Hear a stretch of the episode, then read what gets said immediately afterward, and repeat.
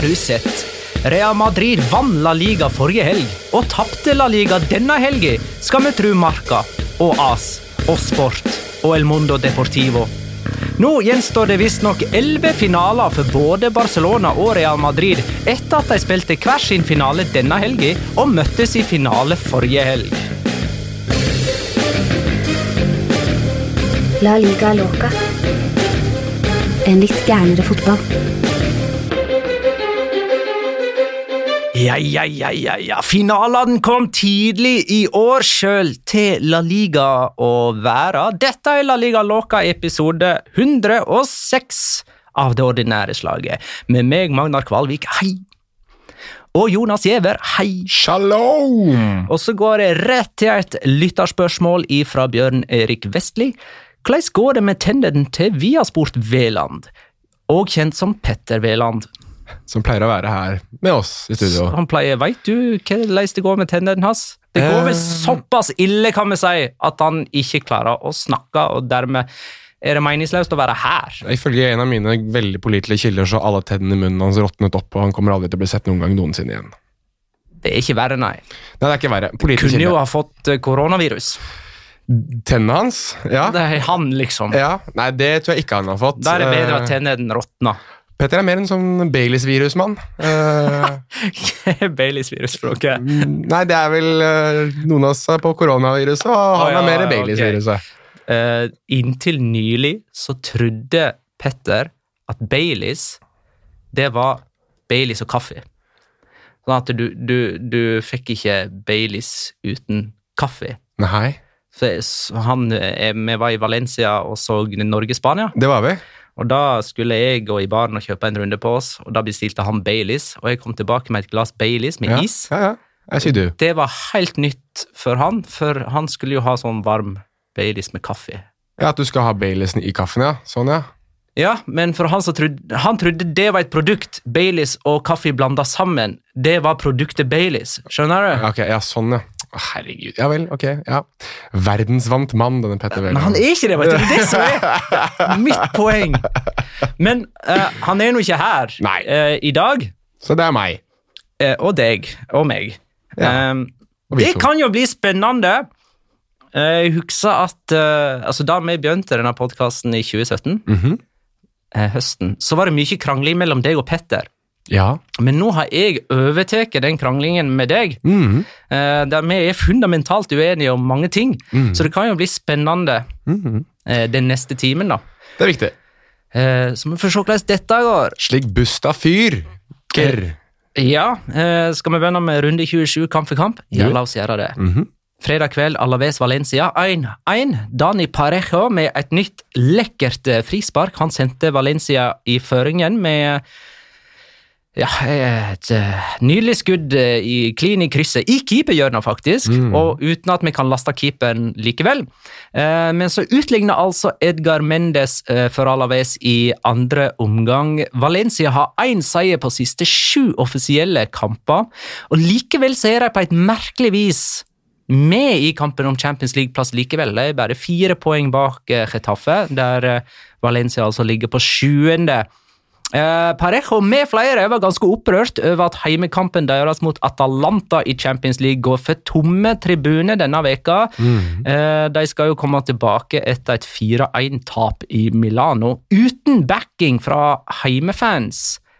Eh, så skriver Mikael Bjerkan til oss burde alt av fotball spilles for tomme tribuner, eller burde alle kamper spilles som, som normalt? Er det riktig at noen kamper går som normalt og andre uten publikum?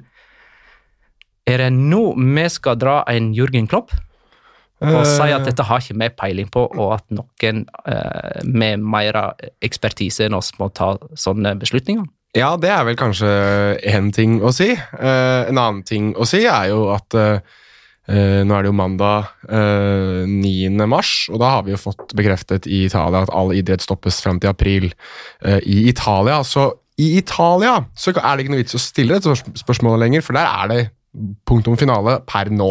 Og PSG Dortmund går for tomme tribuner. Stemmer? Eh, er, jeg vet at Liverpool Atletico Madrid går for fulle tribuner denne veka. Ja, I England så har de bestemt seg for at de skal spille fotball. Hva er den siste Champions League-kampen denne veka her? Er det Tottenham som skal i aksjon? mot Leipzig. Riktig. I, Det er jo i Tyskland. I Tyskland, ja. Og den skal vel også spilles for fulle Jeg har ikke hørt noe annet, i alle fall. Nei. Eh, Men eh, det som er det interessante spørsmålet her, synes jeg er jo eh, Tenker vi å gjøre det til podkast om italiensk fotball, for det har vi støvelball til. Men hva skjer med Atalanta, som etter all sannsynlighet går videre mot Valencia, hvis ikke de får lov til å spille noe mer fotball enn Champions League-fotball resten av sesongen? Det der er jo helt utrolig, Ikke det sant? som skjer i Italia nå. Det er helt utrolig. Bare for å ha Og så tatt er situasjonen i Lombardia ganske alvorlig, da. Ja. Så har man jo begynt å få altså I Valencia så er det jo, er jo et av de stedene der det har vært, i hvert fall etter de rapportene jeg har lest, vært et litt større utbrudd i Spania av hva angår koronaviruset. Og det er jo diskutert ved flere anledninger om man skal begynne å spille La Liga-kamper for tomme tribuner. Ingenting der er vel helt bekreftet ennå, men jeg leste også en rapport tidligere eh, i dag, mandag, at uh, den spanske cupfinalen på La Cartuja i Sevilla, som skal spilles 18. april, den kan også gå for tomme tribuner. Fordi Men, man eh, er såpass usikre på situasjonen. Skjønner. Men det Parejo han la, la jo ut et langt innlegg om Ja. dette her, og skrev jo om sånne ting som at han går jo i uh, folkefulle bygater, det er fester i byen Ja, var ikke det en eller annen sånn her eh, festveka i Valencia nå med masse fyrverkeri og opplegg, som det nesten er annenhver uke i Valencia? Ja, det er vel heller det. ja, men altså, det er jo folketette uh, tilstelninger hele tiden. Mm. Uh, mens når det er en fotballkamp, da blir det plutselig folketomt, uh, Ja. har noen bestemt. Det er det som irriterer Parejo. da. Stemmer. Jeg syns det er interessant dette med at eh, fotballspillere plutselig ikke skal ta hverandre i hånda, men så skal de være i dueller og ta på hverandre og takle og det som er i løpet av 90 minutter. Så eh, det er veldig mye motsigelser i alt dette med koronaviruset og alt det som foregår, og eh, jeg tror at enten så må man rett og slett gjennomføre ting da, på vanlig, normalt vis, hvor man får lov til å ha publikum på stadioner og det som er, eller så må man bare stoppe alt sammen. Men det Ja, blir min digresjon om det. Ja, det, det, det der er Der har ikke jeg peiling, altså. Nei, skal, Men- vi følger Jørgen Klopps råd i nå. Ja, eller ja Sier som han. Vi gjør det. Eibar Mallorca 1-2. Mallorcas eh, første borteseier for sesongen. Mhm. Deres første borteseier i La Liga siden 2013, eh, faktisk. Men så har de jo ikke vært oppe heller siden da, Stemmer. eh, for Nora. Eh, seieren gjør at de bare er poenget fra trygg plass. De er nummer 18, mens Eiba, som altså var motstander her, er nummer 16, bare to poeng framfor Mallorca. Det var jo fem poeng mellom de før møtet. Eh, Takefusa Kobo med nok en skåring for Mallorca i andre bortekamp på rad. Ja. Og han, han skåra gjerne fra distanse. Dette var i alle fall andre skåring fra utenfor 16-meter. Jeg husker ikke helt om han hadde sneket seg innenfor 16-meter mot Betis i forrige bortekamp. Det er mulig han var innenfor da. Eh, Eibar møter jo Real Sociedad nå på tirsdag.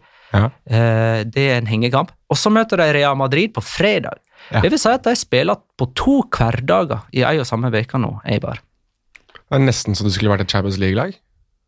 Ja, men sjøl ikke de spiller på to hverdager i løpet av veka. Nei, du har tirsdag og lørdag. Det er Ja. kanskje nærmest du kommer. Ja, Ja, og, og søndag og onsdag, liksom. Godt poeng. Eh, vi hopper videre til Atletico Madrid. Sevilla 2-2. Det er fjerde uavgjort på rad mellom disse her eh, to.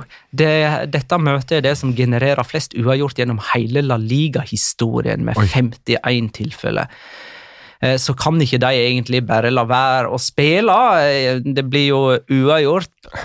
Svaret er nei, de kan ikke la være å spille, for det at de ga oss i alle fall 25 svært underholdende minutter i den første omgangen, Ja, der alle skåringene kom.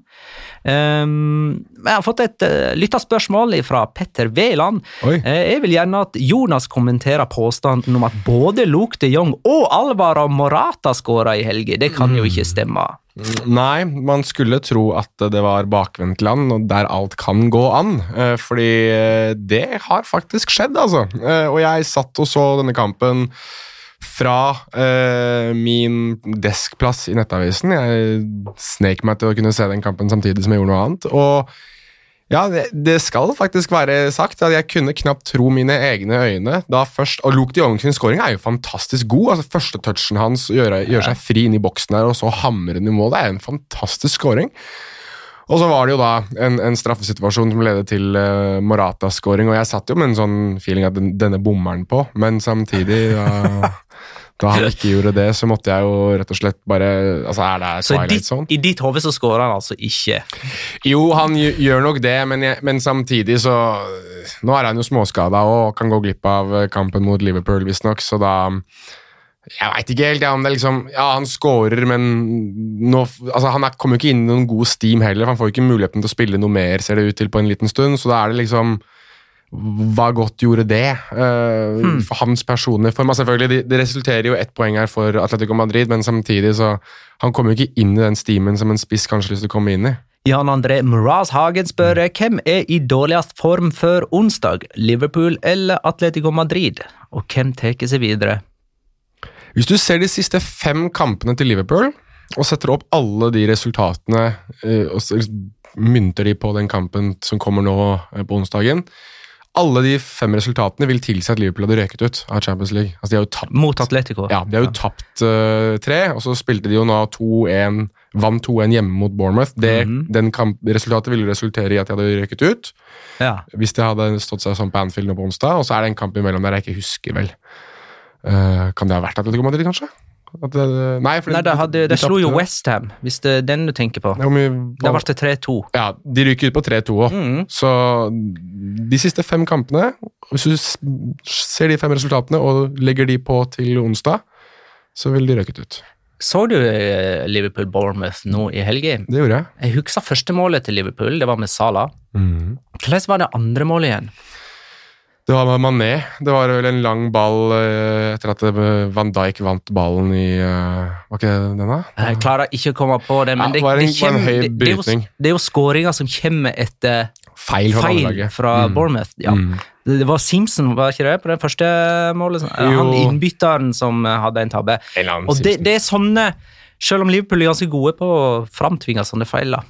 De, så, så, så får, får man sånne muligheter mot Atletico Madrid. Nei, de gjør ikke det. Du får veldig få av de mot, mot Atletico Madrid, og det er jo det som gjør at jeg, jeg begynner å tenke litt grann at det kan det være muligheter er for uh, Atletico Madrid. Og som vi også har vært inne på her tidligere, dette her er jo for Liverpool sin del så er jo det den verste motstanderen å møte sånn hva angår det altså Soflir, som jeg har sagt før, og det å altså lide i løpet av 90 minutter, det er jo Atletico Madrid eksperter på. Så de, eh, for Liverpool sin del så møter de et lag som ikke matcher det de kanskje hadde håpet på. da. Jeg tror Før første oppgjør så holdt jeg liksom Liverpool som 70% Mm. favoritter. 70-30. Og etter det oppgjøret så ble det sånn 60-40. Og nå Nå er vi på 55-45 Favør Liverpool. favør Liverpool. 55-45? Ikke mer? Nei, nå er det plutselig helt oppe. Nei, det er fortsatt Anfield. Det er fortsatt uh, Champions Ja, League-kveld. det, som du sier, hvis, hvis Liverpool vinner 2-1, som er godt mulig, eller 3-2, ja, så er de ute. Ja, 65-35 sier jeg da til favør Liverpool. For avansement. Ja. Jeg syns det var ganske mye, ja. ja, skal du Det få lov til å mene. Ehm, Kan vi ta en ting i den kampen her, for øvrig den Atletico Ja. Madrid-Sevilla-kampen?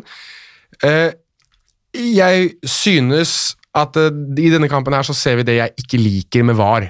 Eh, og det er den tidsbruken. Uh, for jeg, Noen har klokka den, jeg husker det ikke, men det er nesten fem minutter de bruker før det straffesparket til Alvaro Morata blir gitt der. Det hadde vært lagt til fem minutter av første omgang. Ja, altså Det går så lang tid, og da er jeg inne på Nå er det vel Marius Skjelbæk av alle som tvitret at de, de tre av alle. av alle på akkurat det her Han så jo ikke den kampen her, men det var i forbindelse med Manchester United mot Manchester City, og da skrev han det at de tre dummeste ordene i fotball eh, siden handshake for peace er clear and obvious.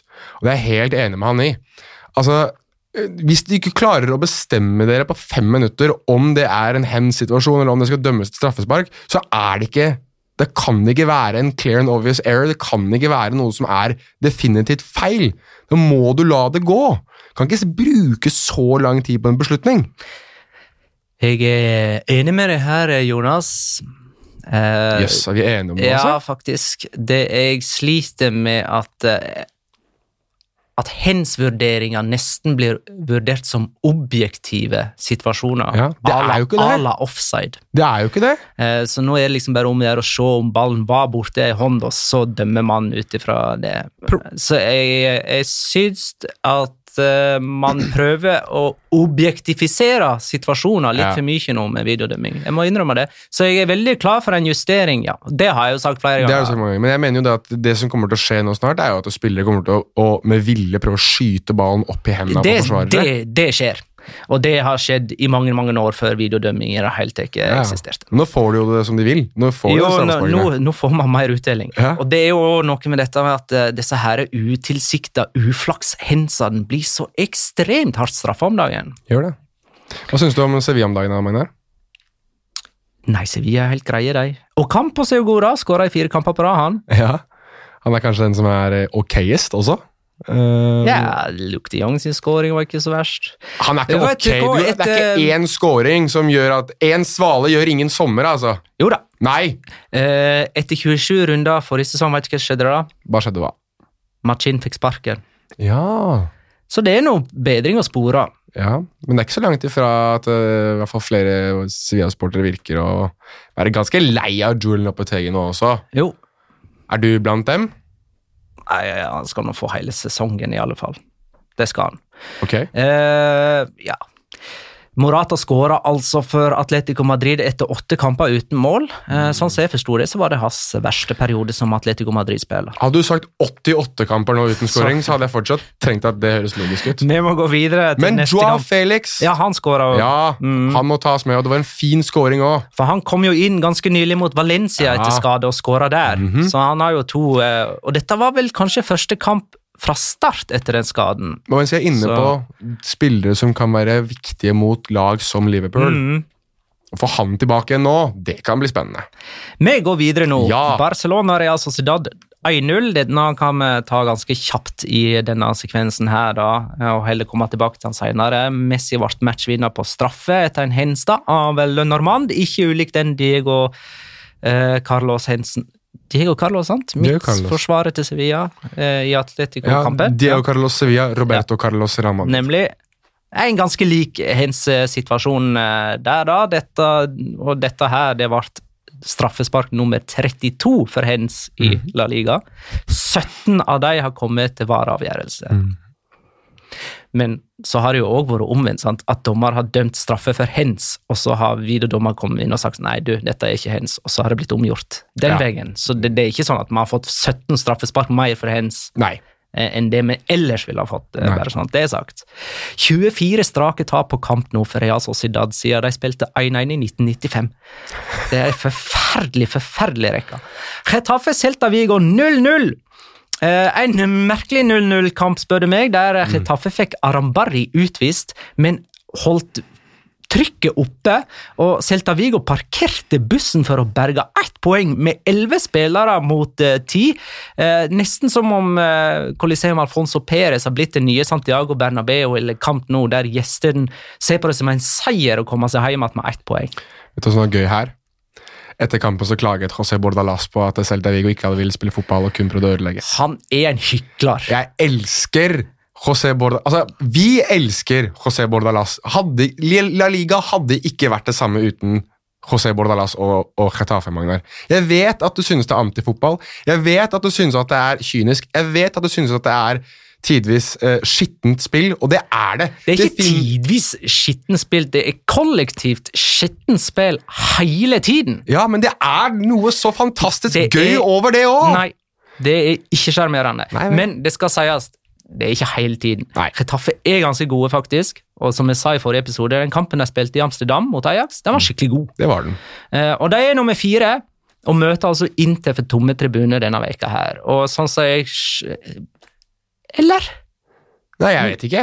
Jeg, For det skal jo gå i Milano. det må jo mest sannsynlig være Ja, men Er det ikke sånn at all fotball i Italia skal stoppes? Jo, eh, sånn har jeg forstått ak den meldingen som kom akkurat idet vi gikk i studio, så jeg har jo ikke fått uh, Nei, vi har ikke fått uh, sjekke De har sikkert ikke, sikkert ikke kommet uh, med noen form for eh, ordning på det ennå. Det får vi nesten følge med på, så får vi ta det opp i eh, neste episode. Men, men for å snakke litt om Getafe, da, sånn, og om denne kampen her, så jeg synes at, eh, at Getafe får ekstremt dårlig betalt jeg, for å spille en god fotballkamp igjen.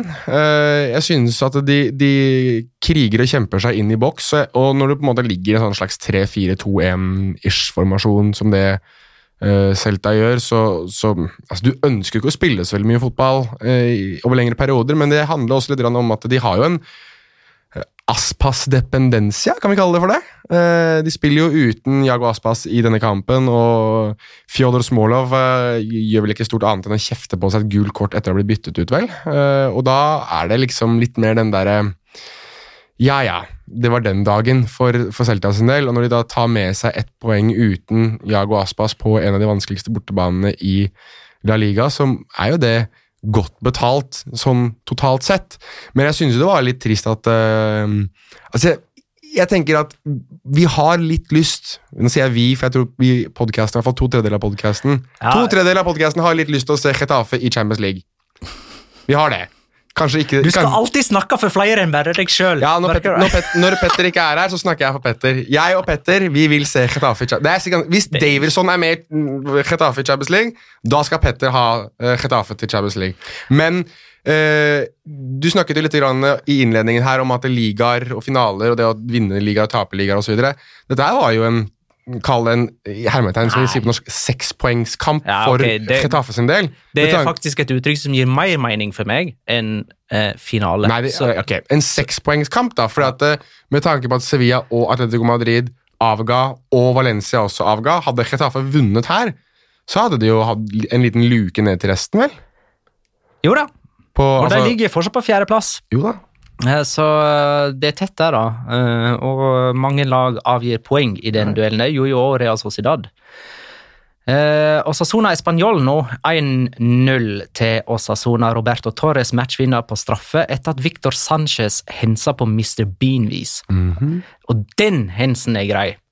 Eh, for der Jeg skal prøve å forklare den med så få ord som mulig, men han er i en slags duell, og så holder han ut armene som for å bedyre sin uskyld i den duellen. Mhm. Og, og så spretter ballen opp i den ene armen, som, som da er eh, for høyt oppe. Det er Eh, den dummeste hensituasjonen. Hæ? Det er den dummeste hensituasjonen denne serien. Ja, og den, den, er, den er klar. Den er klar. Mm. Den er helt klar. Det er, Eh. det er den dummeste men, det, men noe som ikke var dumt, det var straffesparket, altså. Ja, det var fint. Oh. Det var Panenka-straffe. Mm, men med et sånt tilløp som gjorde at eh, Diego Lopez da eh, måtte velge ei side lenge før Roberto Ter Torres faktisk skjøt, så Torres hadde jo fullstendig kontroll på hvor hen han hadde Diego Lopez der. Español ligger helt sist. Eh, og Denne runden var ganske grusom for dem. Eh, både Leganes og Mallorca vant sine kamper, så nå er det seks poeng opp til trygg eh, grunn. De var i samme situasjon, Español, etter 27 serierunder i 08-09. Da ble Pochettino redningsmannen deres. Vet du hvem jeg anser som må være den største tullingen i La Liga akkurat nå? Eller føler seg litt som den største tullingen i La Liga? Jeg har lyst til å komme tilbake til han. Ja, det er greit. Jeg, jeg håper det er samme fyr nå. Ja, det er Leandro Cabrera. Det er Leandro Cabrera. Eh, mer om han senere. -hmm. Valladolid Athletic, klubb 1-4. Athletic hadde ti seriekamper på rad uten seier, men så møtte de Villarreal i forrige runde og kom tilbake på seierssporet. De vant den kampen, sikra seg Copa del Rey-finale i midtveka og vant igjen nå i helga. Eh, da hjalp det altså ikke for Valladolid at Sandro Ramires skåra nok en gang. Det er verdt å nevne det, da. Det må jo anses som et samleobjekt i disse dager, det. Å ha sett ham skåre mål, sånn totalt sett. Kanskje til og med på trening. Det er Jeg sånn som som sånn så fotballkort var før i Ja. tiden, så må vi samle eh, Sandro Ramires-skåringa. Han er litt som en Charizard i glins. For de som tar den referansen. Det Den, er, han. det er en Pokémon som heter Charizard, og hvis du hadde det kortet, og det var glinsekort, da var du the main squeeze på enhver uh, lekeplass i Oslo sentrum. I hvert fall. Sikkert også andre steder. Levante Granada 1-1. Eh, Roger Marti skåra sitt ellevte for sesongen og er mestskårende spanjol i La Liga sammen med Lucas Perez og Gerard Moreno. Eh, Spanjoler skåra rett og slett færre mål nå enn de siste fem årene. Det er egentlig ganske lavt antall mål for den mestskårende spanjolen etter 27 serierunder. Via, alle... eh, via Jeg hadde lyst til å si Via Ranes. Via Ranes. Viareal Leganes 1-2. Første borteseier for Leganes denne sesongen. Mm. For tre uker siden så slo Villarreal Levante og kom seg opp på 38 poeng. Da sa jeg at de trengte fire poeng for å sikre seg nedrykk, eh, mot nedrykk. da. Og etter det så har de tapt tre strake. Ja. Eh, Her sendte altså Gerard Moreno via Villarreal i ledelse, og så snudde Oscar Rodriguez med to uh, skåringer. Ei perle fra distanse og en straffe. Eh, Peter Losvik eh, ber oss understreke hvor svakt det er av Villarreal å bli knust av spissløse Leganes på La Ceramica. Og, det gjorde jo i grunnen Peter Losvik sjøl nå, da. Ja, jeg syns han klarte det ganske bra der. jeg. Men eh, kan vi bare titte litt på den tabellsituasjonen som du var inne på her nå? Altså, Viral har tapt tre strake, som du, som du sier. De er fortsatt kun seks poeng unna Champions League-plass. Det er ganske sykt, altså. Mm. Ja, men det sier jo litt om de der uh, andre lagene. Altså, Ja. uh, Sevilla og Atletico spilte uavgjort mot hverandre. Uh, Getafe spilte uavgjort. Real Sociedad tapte. Så der Så du skal ikke gi noe kred overhodet til Villarreal for å Villarreal må passe seg eh, nå. Ja, det er strengt tatt eh, Skal vi se, det er 13 poeng ned til nedrykk og 6 poeng til Champions League. Nå må de passe seg. De har tapt hjemme mot tre av de fire nederste lagene på tabellen, altså Leganes, Español og Celta Vigo. Og neste heimekamp møter de det fjerde laget i den bølja, eh, nemlig Mallorca. Ja. Så du eh, For et lag som kun da Spiller de hjemme eller borte mot Mallorca? Nei, hjemme. De har tapt tre Ja, heimekamper ja, mot de tre, tre av de fire nederste, og så kommer Mallorca i Mallorca. neste heimekamp. Mallorca som er én borteseier denne sesongen. Mm, den kom nå. Ja. De må, de må passe seg mot dem. Ja, sånn som de måtte passe seg mot Celta Vigo, som har én borteseier denne sesongen, på La Ceramica, og Leganes, som har én borteseier denne sesongen, på La Ceramica. Hvordan er det med Español? De har kanskje flere borteseiere. Eh, Det er for øvrig verdt å minne på at Oscar Rodriguez, som hadde ei perle i denne kampen, er fortsatt er Real Madrid sin egentlige eiendom, og at bare Messi har skåra flere mål fra utenfor 16 meter enn han denne sesongen. Han, han skåra kjempesmukke mål. Han er flink, han. Mm. Siden Adrian Auke har denne her pepineroen, denne agurken, Ja. som avatar, så må vi ta spørsmålet hans. Ja. Var seieren til Leganes bare et blaff, eller var det starten på en Great Escape? Var det starten på en Great Escape? Ja eller nei, Jonas? Nei. Nei, de rykker altså ned. Mm. Real Betis, Real Madrid, nå har vi endelig kommet til siste kamp. I kamp for kamp-sekvensen, den ble lang.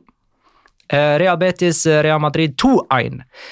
Eh, Verken Sydney eller Christian Tejo hadde skåra i La Liga denne sesongen, men så kom Real Madrid på besøk. Eh, dette har vært Betis sin første seier på seks oppgjør.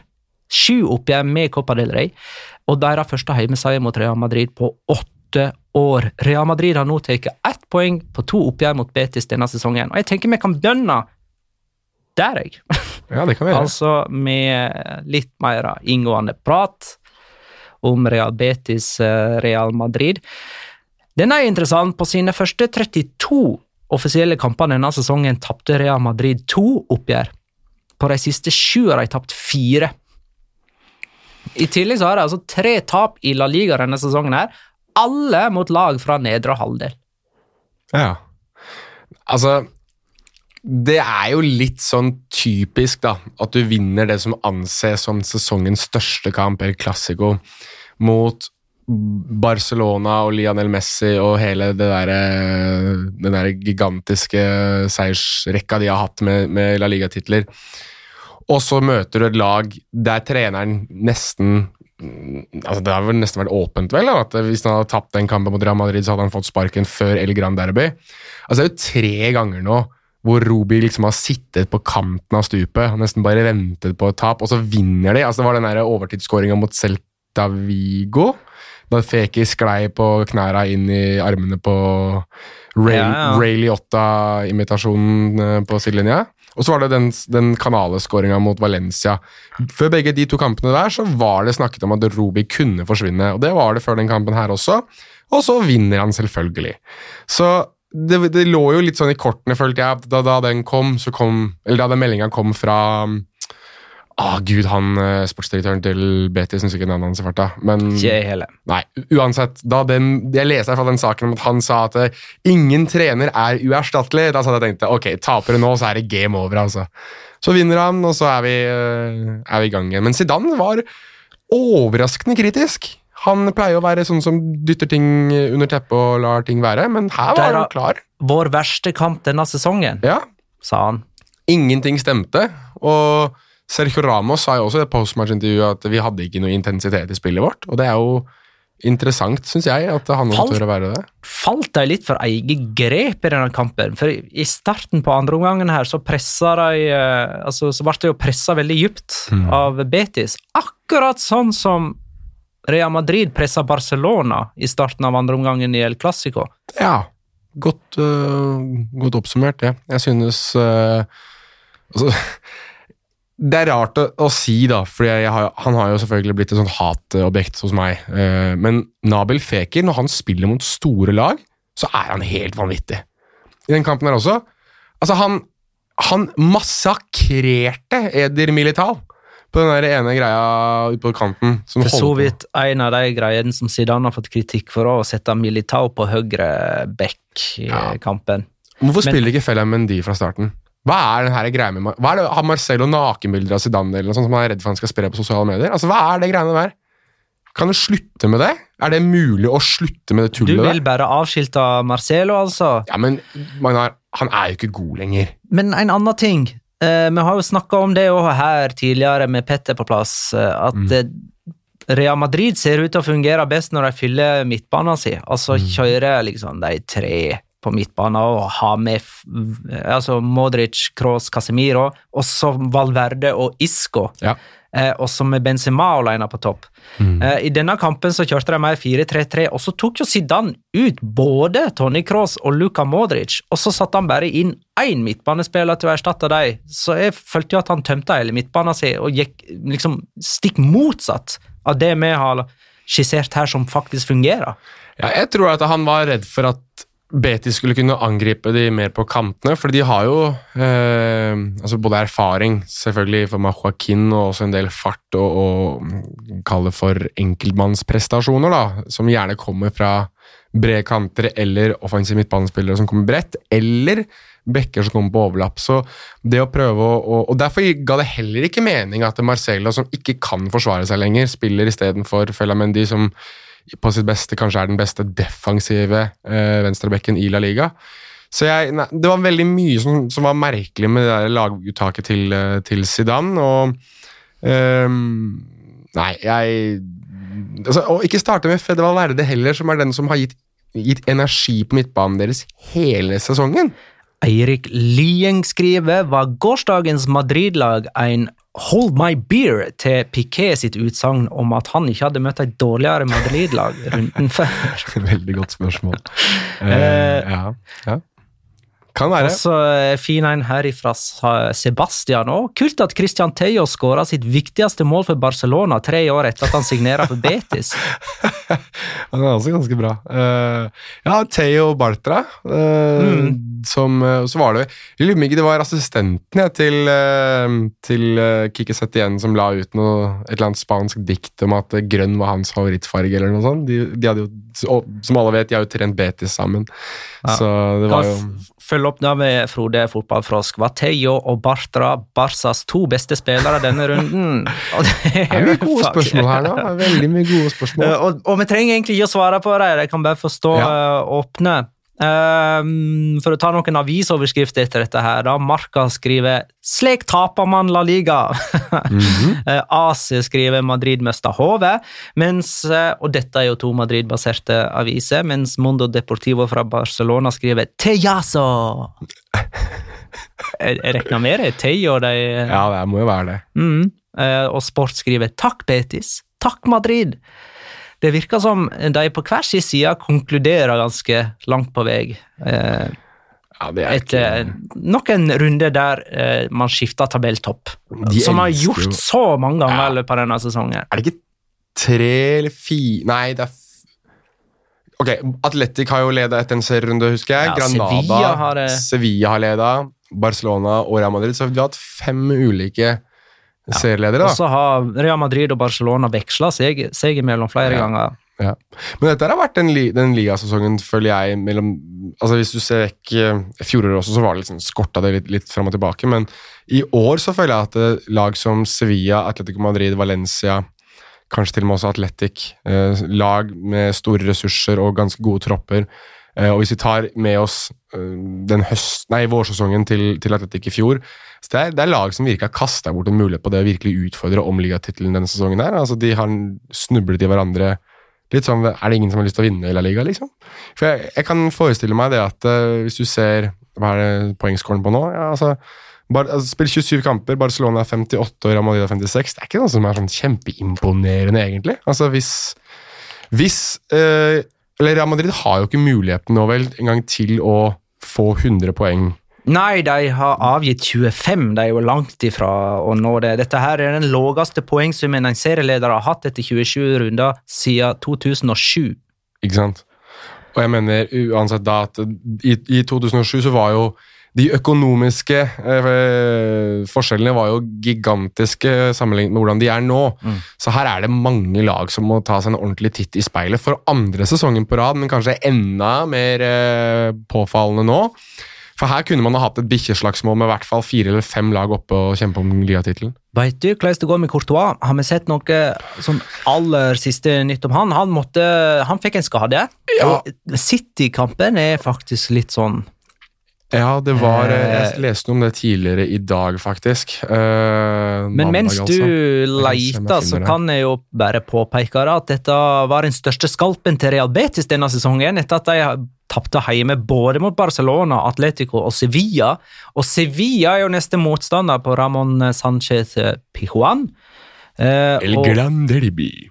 og så skriver Sander Samuelsen, da. Du har jo allerede nevnt eh, Nabil Fekir, eh, Jonas. Mm eh, hvor god er ikke Kanalis og Fekir på sine toppnivå, skriver Sander Samuelsen. Og Mm. altså, de er skikkelig gode. Og eh, snodig nok, da, så klarte produsere av denne kampen å kåre eh, Christian Theo til Budweisers King of the Match. Ja. Eh, og hvor mange Budwisers må ikke man ha innabords for å overse både Canales og Fekir i den kåringen? Veldig godt uh, poeng. Uh, kan jeg få komme med en kuriosa angående akkurat den eh, prisutdelingen der? For jeg, jeg legger litt merke til at det er ikke alle som helt kan referansen hvorfor det er King of the Match. Budwiser er jo deres kallenavn, eller deres slogan er jo King of Beers. Altså det er liksom The king of all beers er Budwiser.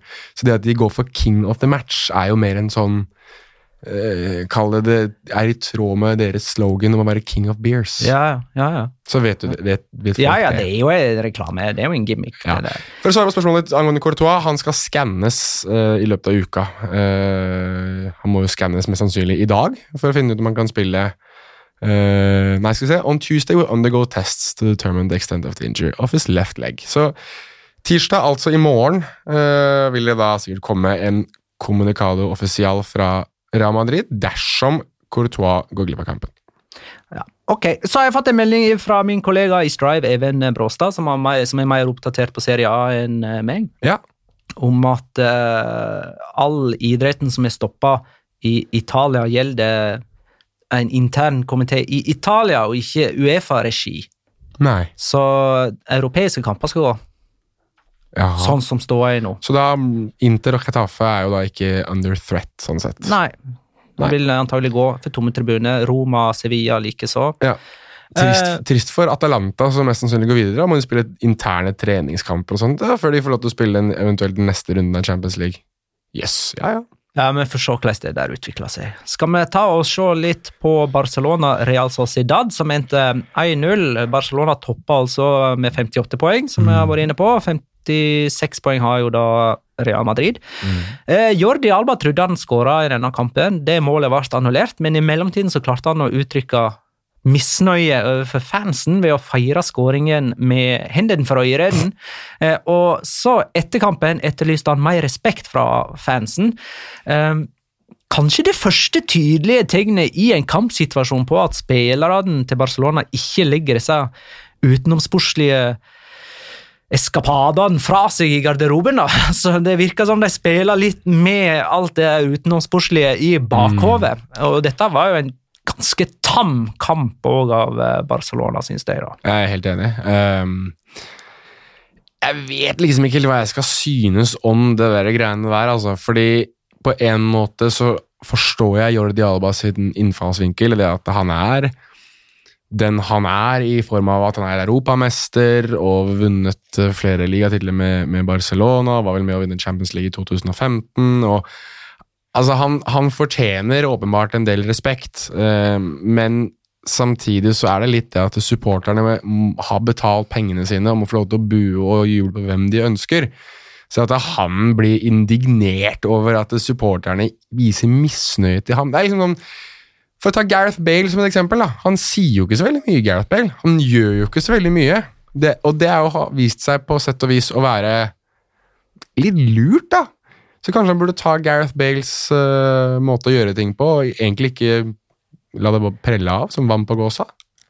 Ja, å ta kritikk må man nesten tåle på dette nivået, tenker jeg. Som altså. fotballspiller, ja. Mm. Definitivt. Men jeg mener, det å begynne å, begynne å eh, opphause egne sportere, det blir, det blir så Men eh, det er Påtatt. egentlig ikke selve kritikken hans, eh, men det at han i det hele tatt uttrykker det, tenker jeg, som er litt problem, for det, det er så ubarselonsk å, å gjøre det. Ja. Eh, sånn at det virker som på en måte støyen kommer litt mer til overflata når man gir sånne uttrykk i kamper som det eh, Jordi Alba gjorde her. Eh, og når det attpåtil er en ganske svak kamp, der de da får denne her litt tilfeldige hens-straffen som gir dem seieren. I tillegg så hadde jo fansen Fansen vifta jo med hvite lommetørkle både idet Bartomeo satte seg, og idet han reiste seg etter kampen. Det er jo andre heimekampen på rad, og dette stammer jo fra ja, mye, men kanskje var dette med sosiale medier-sprell eh, eh, tunga på vettskåla for eh, fansen, da. Ja, det er jo en episode i seg selv, det der med, med Barcelona og Bartomeo di Mission. Altså, det kommer til å ende i tårer der for uh, noen. Det er enten Bartomeo som må gå, eller supporterne som må i hvert fall innfinne seg i at han sitter til 2021. Det er jo de to valgene som er. Han kommer jo ikke til å sitte lenger enn det. Skal vi, eh, for å fokusere på noe mer positivt eh, angående Barcelona, da, Jon B. skriver Hva tenker dere om Brathwaite så langt? Og Ja. Tror dere han kommer til å være Barcelona-spiller etter sommeren? Ja, Det må han vel være? Altså, Han har kontrakt eh, langt forbi sommeren. ja, men har han ikke, Spilte han ikke for Leganes også i januar, og har spilt for Barcelona? Da er det vel noe sånn at du kan kun være registrert i så og så mange klubber i Innenfor et kalenderår. Ja. Jo, jo, men han kunne jo ha blitt solgt til Bayern München eller Juventus, liksom. Men jeg tenker jo at han er Nå sender jeg deg et blikk, Magnar. at han er Barcelona-spiller, men at de har tenkt å kjøpe en uh, mer soleklar førstevalgspiss eller angriper uh, til sommeren. For eh, jeg tenker at Luis Suárez er ferdig, og at det er noen som skal inn for ham. Tror du Luis Suárez forsvinner etter sommeren? Ja, Det har nå du sagt mange ganger. Nei, spørsmålet, Men- spørsmålet er jo hvem blir værende på kamp nå, og hvem er det som må gå? Er det Breathwaite som må gå, eller er det Svaret som må gå? Eh, Jeg tror ikke det er spørsmålet. Eh, Spørsmålet er hva tenker vi om Breathwaite så langt? Jeg har vært imponert. Jeg var veldig imponert i den kampen her også. Jeg synes han er, jeg synes han hadde et ganske positivt innhopp i El Clásico også. Jeg fikk jo ikke dissekere denne kampen med dere. Greit nok at det er han som ikke tar eh, og følge løpet til Venicius på 1-0, men eh, offensivt så synes jeg han virker som en fyr som får mer ut. Altså Lionel Messi får mer, bruker mer av sine ferdigheter hva angår det å være playmaker med Braithwaite enn han eksempel får til med Griezmann. da. Fordi Messi og Griezmann har litt de samme tankene om hvilke, hvilke rom de ønsker å oppta, mens Braithwaite drar og sliter litt mer i, i motstanderens forsvarslinje og, og jager inn bak. Så jeg syns nesten det er litt rart å si, men det virker som Messi og Braithwaite har en bedre connection enn det Griezmann og Messi har. Ehm, så jeg, Og han kommer til flere sjanser i hver kamp han spiller. Ja. Braithwaite. Samme hvor mange minutter han får. Skjønner du, eller? Det var det jeg sa. Så fort, du får, så fort han får noen ordentlige lagkamerater, ikke disse, disse her eh, kjeglene han har spilt med i Leganes, så ser det bedre ut. Men han kommer òg til sjanser for Leganes, skjønner du. Han, han brenner en ganske stor prosentandel av sjansene han får. Men det sier sitt, da. Han har også to målgivende, vel, i ja, to og en halv, en og en halv målgivende i Barcelona. Nei, det har ikke han. En og en halv. Nei. En og en halv! Nei, det ene var skudd som uh, keeper ga retur på, som havna hos Arthur. Det er ikke målgivende. På Fantasy så hadde det vært mål. Ok. Messi, høy på denne, du. Ja. Messi har 25 mål totalt denne sesongen. Mm. 19 av dem hjemme. Men, Han har det, ikke skåra på bortebane siden desember. Nei, men det var, han har jo hatt den rekka med målgivende istedenfor, vel? Uh, istedenfor å score, og mange av de har Ikke El Clásico, for å si det sånn, Nei. for da skåra ikke de. Nei, det gjorde han ikke. Det, det er et poeng, men uh, det er jo Og ikke mot Napoli heller, det var Semedo. Men vi har jo hatt en greie på det om at Barcelona har uh, vunnet mange av serietitlene sine på det at de rett og slett nesten ikke avgir poeng på hjemmebane. Og det jeg lurer på om ikke de har en ganske god statistikk på hjemmebane denne sesongen også. Det er jo litt sånn at uh, De har ganske god eh, ja, har, vel ikke tapt på hjemmebane i år, har de det? Det er én uavgjort mot Real Madrid. Ja, det er alt. Ja. Ikke sant? Det er de veldig veldig gode hjemme. Rent bortsett fra altså Resultatet, i alle fall. det. Jo, jo. Altså, Kampene mot Eibar og Real Sociedad var ikke Det er ikke imponerende opplegg. Nei, men det er et, et styrketegn for et lag som skal vinne en tittel, eller som kjemper om en tittel, at de ikke avgir noe særlig på hjemmebane. Det var jo litt moro med Martin Ødegaard her, da. Ja. Spilte hele kampen mot Ja. eh, Lionel Messi på Camp Nou. Uh, Selv om Real Sociedad uh, fikk si seiersrekka stoppa her, da. Det endte med seks strake seire for dem. Men hei, de er klare for Copa del Rey-finale. Mm. Ja. Slo jo Mirandez eh, borte, eh, og er i Copa del Rey-finale for første gang siden 88. Mm. Vant Copa del Rey i 87, altså Mm. året før, og det er sist gang en av de to store baskiske klubbene vant en, et stort trofé i Spania. ja, det kan stemme. For Atletic hadde jo det supercopatrofeet mot eh, Barcelona for noen år siden, Riktig. men det er ikke stort. Valverde som trener, da? Var det ikke det? Som trente Atletic? Jo, dette var vel mot Luis Henrique eh, Ja. Barcelona, det, Stemmer. mener jeg. Ja, jeg mener å huske at det er riktig. Så interessant. Nei, altså, det blir jo en, en ren baskerfinale på i Andalusia alle steder. Så det er jo to lag som kommer helt fra nord, som skal ned, helt ned til sør for å spille finale. Og litt reserve, eller sånn rotasjonsprega, var jo dette Real Sociedad-laget her, eh, med Oyar Sabal på benken fra start. Bare Eh, Bechea starta. Barenechea starta, eh, og du hadde ikke Sobelia med fra start. Ikke Saldoa heller på høyrebekken, Det var Goro Sabel. Så eh, en viss tanke hadde nok Imanol Alguacil her om at eh, Mirandes-kampen før Barcelona-kampen og Eibar-kampen rett etter er tross alt viktigere. Eh, og de møter altså Eibar på Iporoa i morgen, tirsdag 10. desember. Vinner de den? 10. desember. Ja, må, ja. Utrolig. ja, 10. mars. der er du det. Vinner de den, så er de på fjerdeplass. Med, og da med like mange kamper spilt som de konkurrentene sine. Stemmer. Nå er det vel også blitt rapportert, nå måtte jeg sjekke for helt sikker, at ikke er, Det er en av de to store avisene som også har meldt uh, om at det er ikke så lenge til Asier Yaramendi er tilbake. Okay. Så nå begynner det å Jeg husker ikke om det var uh, Noticias de Gipuzcoa eller Diario Vasco som nevnte det, men eh, nå, og nå finner jeg ikke saken, så nå er jeg litt usikker på om jeg kanskje har sittet og drømt der. Men hvis det uansett stemmer, så begynner de jo også å få litt bredde i eh, deler av troppen sin også, da. Ja, men det De har ikke en stor stall, Nei. Men alle spillerne de har den stallen, holder et høyt nivå. da. Sånn at det, det er ikke liksom samme hvem du bruker, men det blir ikke vesentlig svekka om de ikke har førstevalget sitt på, i, i sin rolle. da. Nei, definitivt. Det er ganske interessant. Eh, og så syns jeg eh, Ødegaard var bra. Eh, og det sier jeg fordi at jeg syns det har vært litt sånn nedadgående kurver for han i det siste. Og har jo selvfølgelig denne Serbia-kampen i baktankene. Det er jo ikke lenge til den heller, for tomme tribuner på Ullevål. Det bestemmer du? Jeg er ganske sikker på at det blir det. Ja, jeg tror det, ja. Men ja, ja. Holmenkollen helg blei som hun blei. Ja, nei, jeg er enig med deg i det, men for å ta det første først, så Ødegaard var eh, Altså, han har begynt å få litt den greia med at han leverer ikke under tre på børsen eller tre på terningen nesten uansett hvilken kamp han spiller. Tre på terningen, ja. Tre på terningen. På børsen, Tre av seks, altså. på, på børsen er det litt dårligere. Tre av seks. Så fem av ti. Uh, han er aldri under det nivået, og det er, det er et styrketegn. Men han burde for eksempel i hvert fall ha hatt en, han hadde en kjempekjanse her eh, mot slutten av kampen. Ja, han har fortsatt det der med at han skal dempe ballen Ja. eh, når han får den på 60 meter Skyt på første.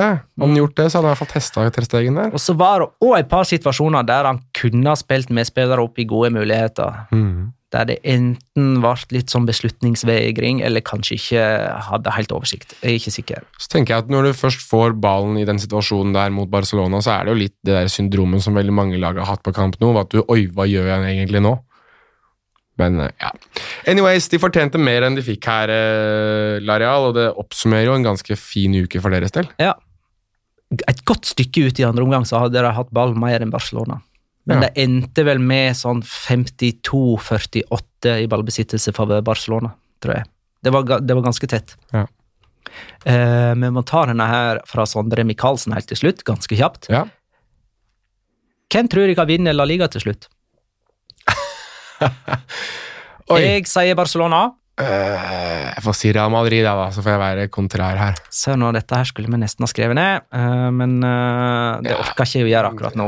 Hadde, vært, hadde du gitt, og- gitt meg å si, fixture-listen her, så hadde det vært enklere å sagt Barcelona eller Real Madrid, men jeg skal si Real Madrid. Under tvil. For det kan bli Du Barcelona. vet, siden, siden du nevner det der, så har jo Marca satt opp kamper som gjenstår for Real Madrid og Barcelona. Ok. Og så har de jo satt utropstegn ved de vanskelige kampene. ikke sant? Så for Real Madrid sin- del så har de satt eh, utropstegn ved Valencia hjemme, Real Sociedad borte og Atletic Klubb borte. Det er liksom de tre vanskeligste kampene til Real Madrid. ok. Men Real Madrid avgir jo poeng mot lag på nedre halvdel, så Mallorca-kampen, Español-kampen, Leganes-kampen på Botarque Ja. i siste serierunde, Ja. når Leganes skal kjempe Mot nedrykk, ja. eh, mot nedrykk, det er der det ryker, vet du, for Real Madrid. Jeg liker at du igjen at du snik-Mallorca-fiserer denne podcasten her nå, hvor liksom legge inn sånn drypp av at Mallorca kan bli vanskelig. Tenk, Takefusa Kubo eh, senka Real Madrid Ja. på Santiago Bernabeu. Ja, for de har jo ikke den klausulen på han heller. Nei, det går ikke det. Det er ikke lov, det. Snik-Mallorca-fisering, det er det du øh, Det er det du, holder på med. Um, når da utgår, Det gjør det. Uh, siden vi er bare to i studio, for andre gang på rad, Ja. Uh, Så jeg tenkte vi skulle ta litt sånn smått og stort, Mhm. uh, før vi går på rundens eh, spiller. Eh, jeg vil ta denne fra Bendik Diesen, angående Segunda Division. Eh, I episode 101, da refererer han til vår episode 101, så begynner dere å snakke om Deportivo eh, rundt 64 minutter. Og da sier Magnar at de har kommet seg opp på trygg grunn, og poengterer at det bare er seks poeng opp til playoff. Selvfølgelig måtte Magnar kommentere den oppturen. Spol fram til i dag, og Deportivo ligger på nedrykk. Det skal sies at flere, både du og Petter, har nevnt eh, denne store Deportivo-oppturen siden jeg gjorde det. Og vet du hva dette betyr, Magnar? Dette betyr at uansett hvor mye jeg og Petter antimaner, så er det du som er le roi når det kommer til det å ødelegge og jinxe ting til helvete. Fire kamper uten seier nå for Deportivo. Mhm. Sabine Merino har ikke skåra siden jeg trakk fram den. det seriøst, dette er så sjukt, ass. Nei, det er jo helt absurd, da. Det er det. Nå er de altså på nedrykk igjen. Eh, Fredrik Sjøvold skriver, for å gå på noe helt annet, hva er sannsynligheten for en La Liga-overgang for Sørloth? Oi, øh, det vet jeg ikke, men øh, han har vært i fyr og flamme i Trabzonspor. Ja. Øh, og blir jo kalt The King of the North. Så det hadde vært litt kult om han hadde gått til Real Sociedad, for de mynter seg selv som We the North. Ja, ikke sant? Så da hadde de fått kongen sin. Mye fokus på at uh, tyrkiske kommentatorer uttaler navnet hans perfekt. Ja, Men det er jo fordi at Ø er jo en bokstav i Tyrkia. er ikke det egentlig?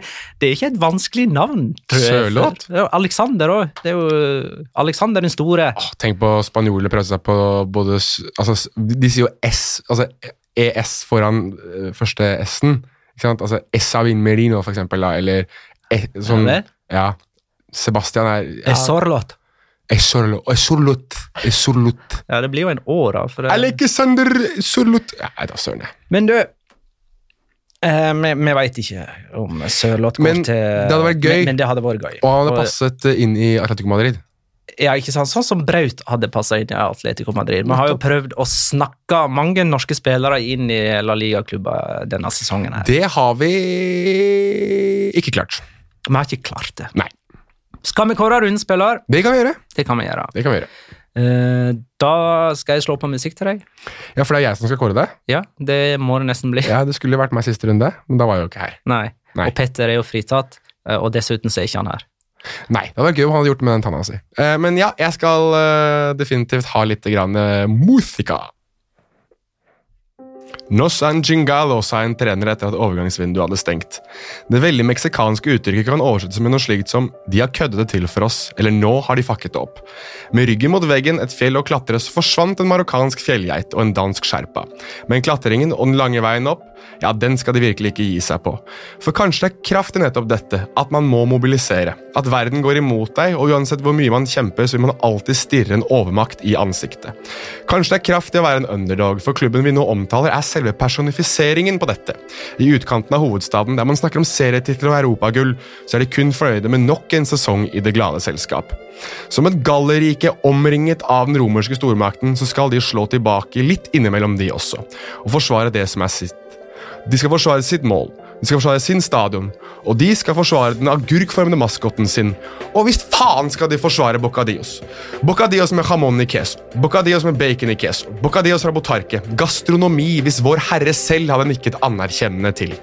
Og det er kanskje når det er stolthet og egenart man skal forsvare, at det virkelig kommer fram noe eget igjen.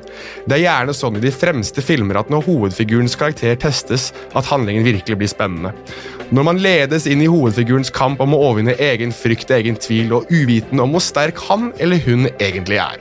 Ingrediensene for en helaften, ingrediensene for noen timer med film man kanskje vil huske.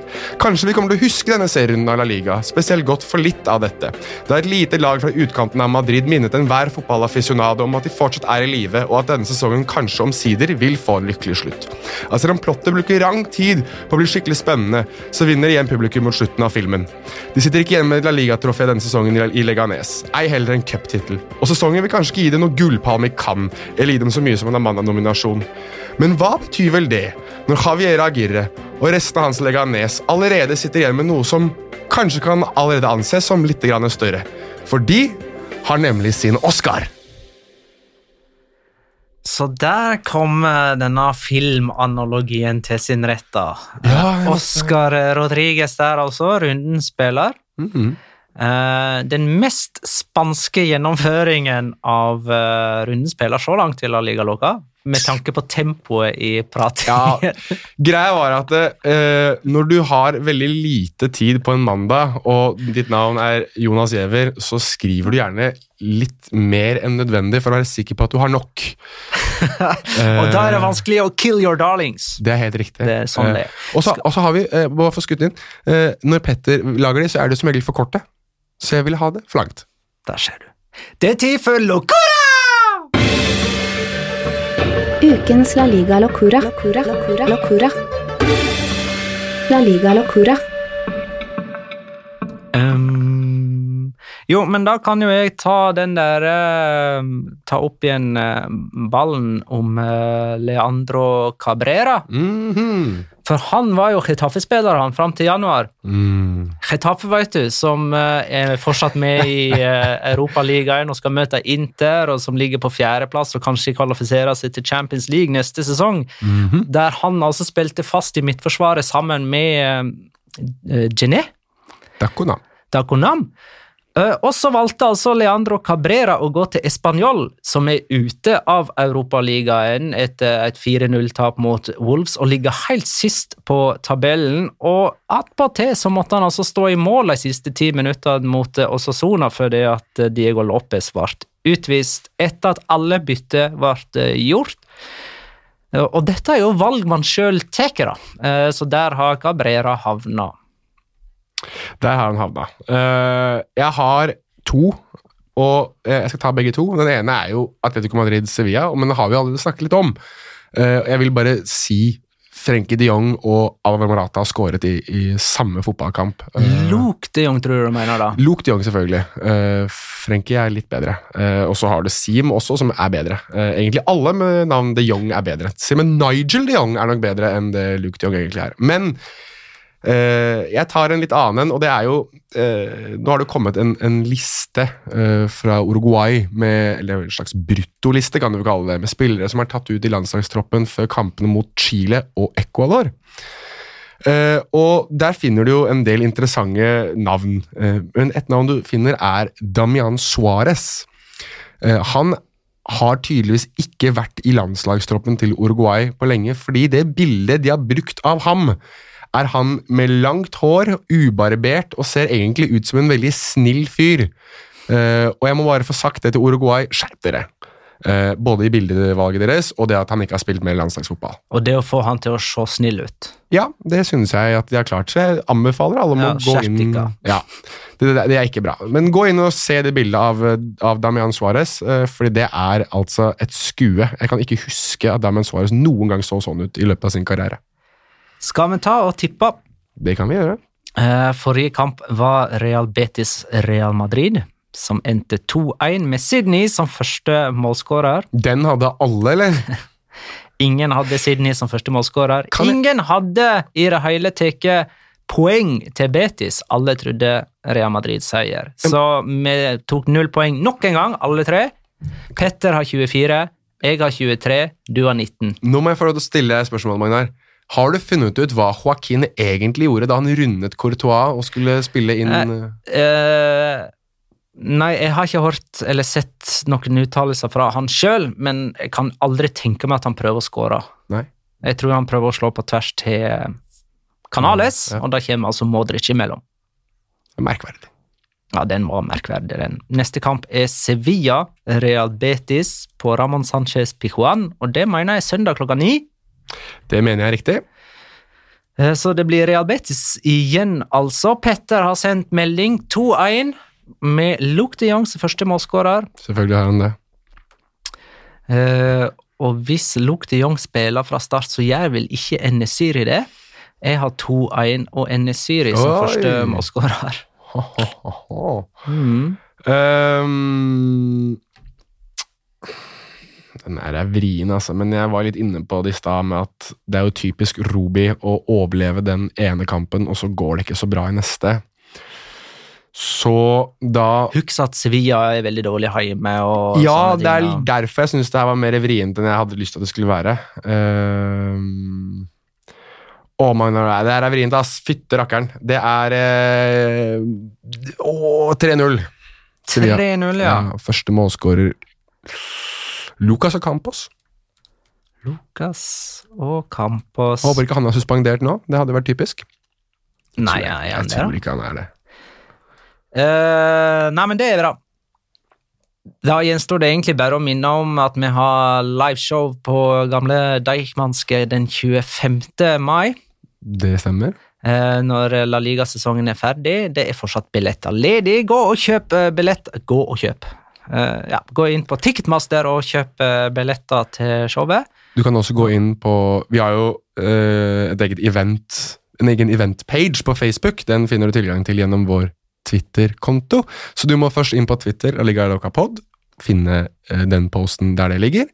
Og så Ja, du kan òg gå rett inn på Facebook, eller? Du kan det, men Ja. det er mye enklere å ikke trykke feil hvis du bare går gjennom linken vi har lagt ut. I hvert fall to Ikke alle som ganger. har. Twitter heller. Ikke alle som har Facebook heller, faktisk, men jeg tror det er flere likevel. Hvis du ikke har Twitter og du ikke har Facebook og du fortsatt vet denne podcasten her, da må du nesten sende oss, eh, send oss et, en, en en, et eller annet, for å finne ut hvordan du i det hele tatt kommer i kontakt med podden. Eh, mm, man kan kjøpe billetter uten å ha Facebook og Twitter. Det går helt fint. Jo, men høre om podden vår? Jo, jo, det finner man i en podkast-app. iTunes, for Ja, eksempel. Så, eh, da takker jeg for alle innspill og spørsmål fra våre kjære lyttere. Tusen takk for at du lytta, kjære lytter. Ha det, da.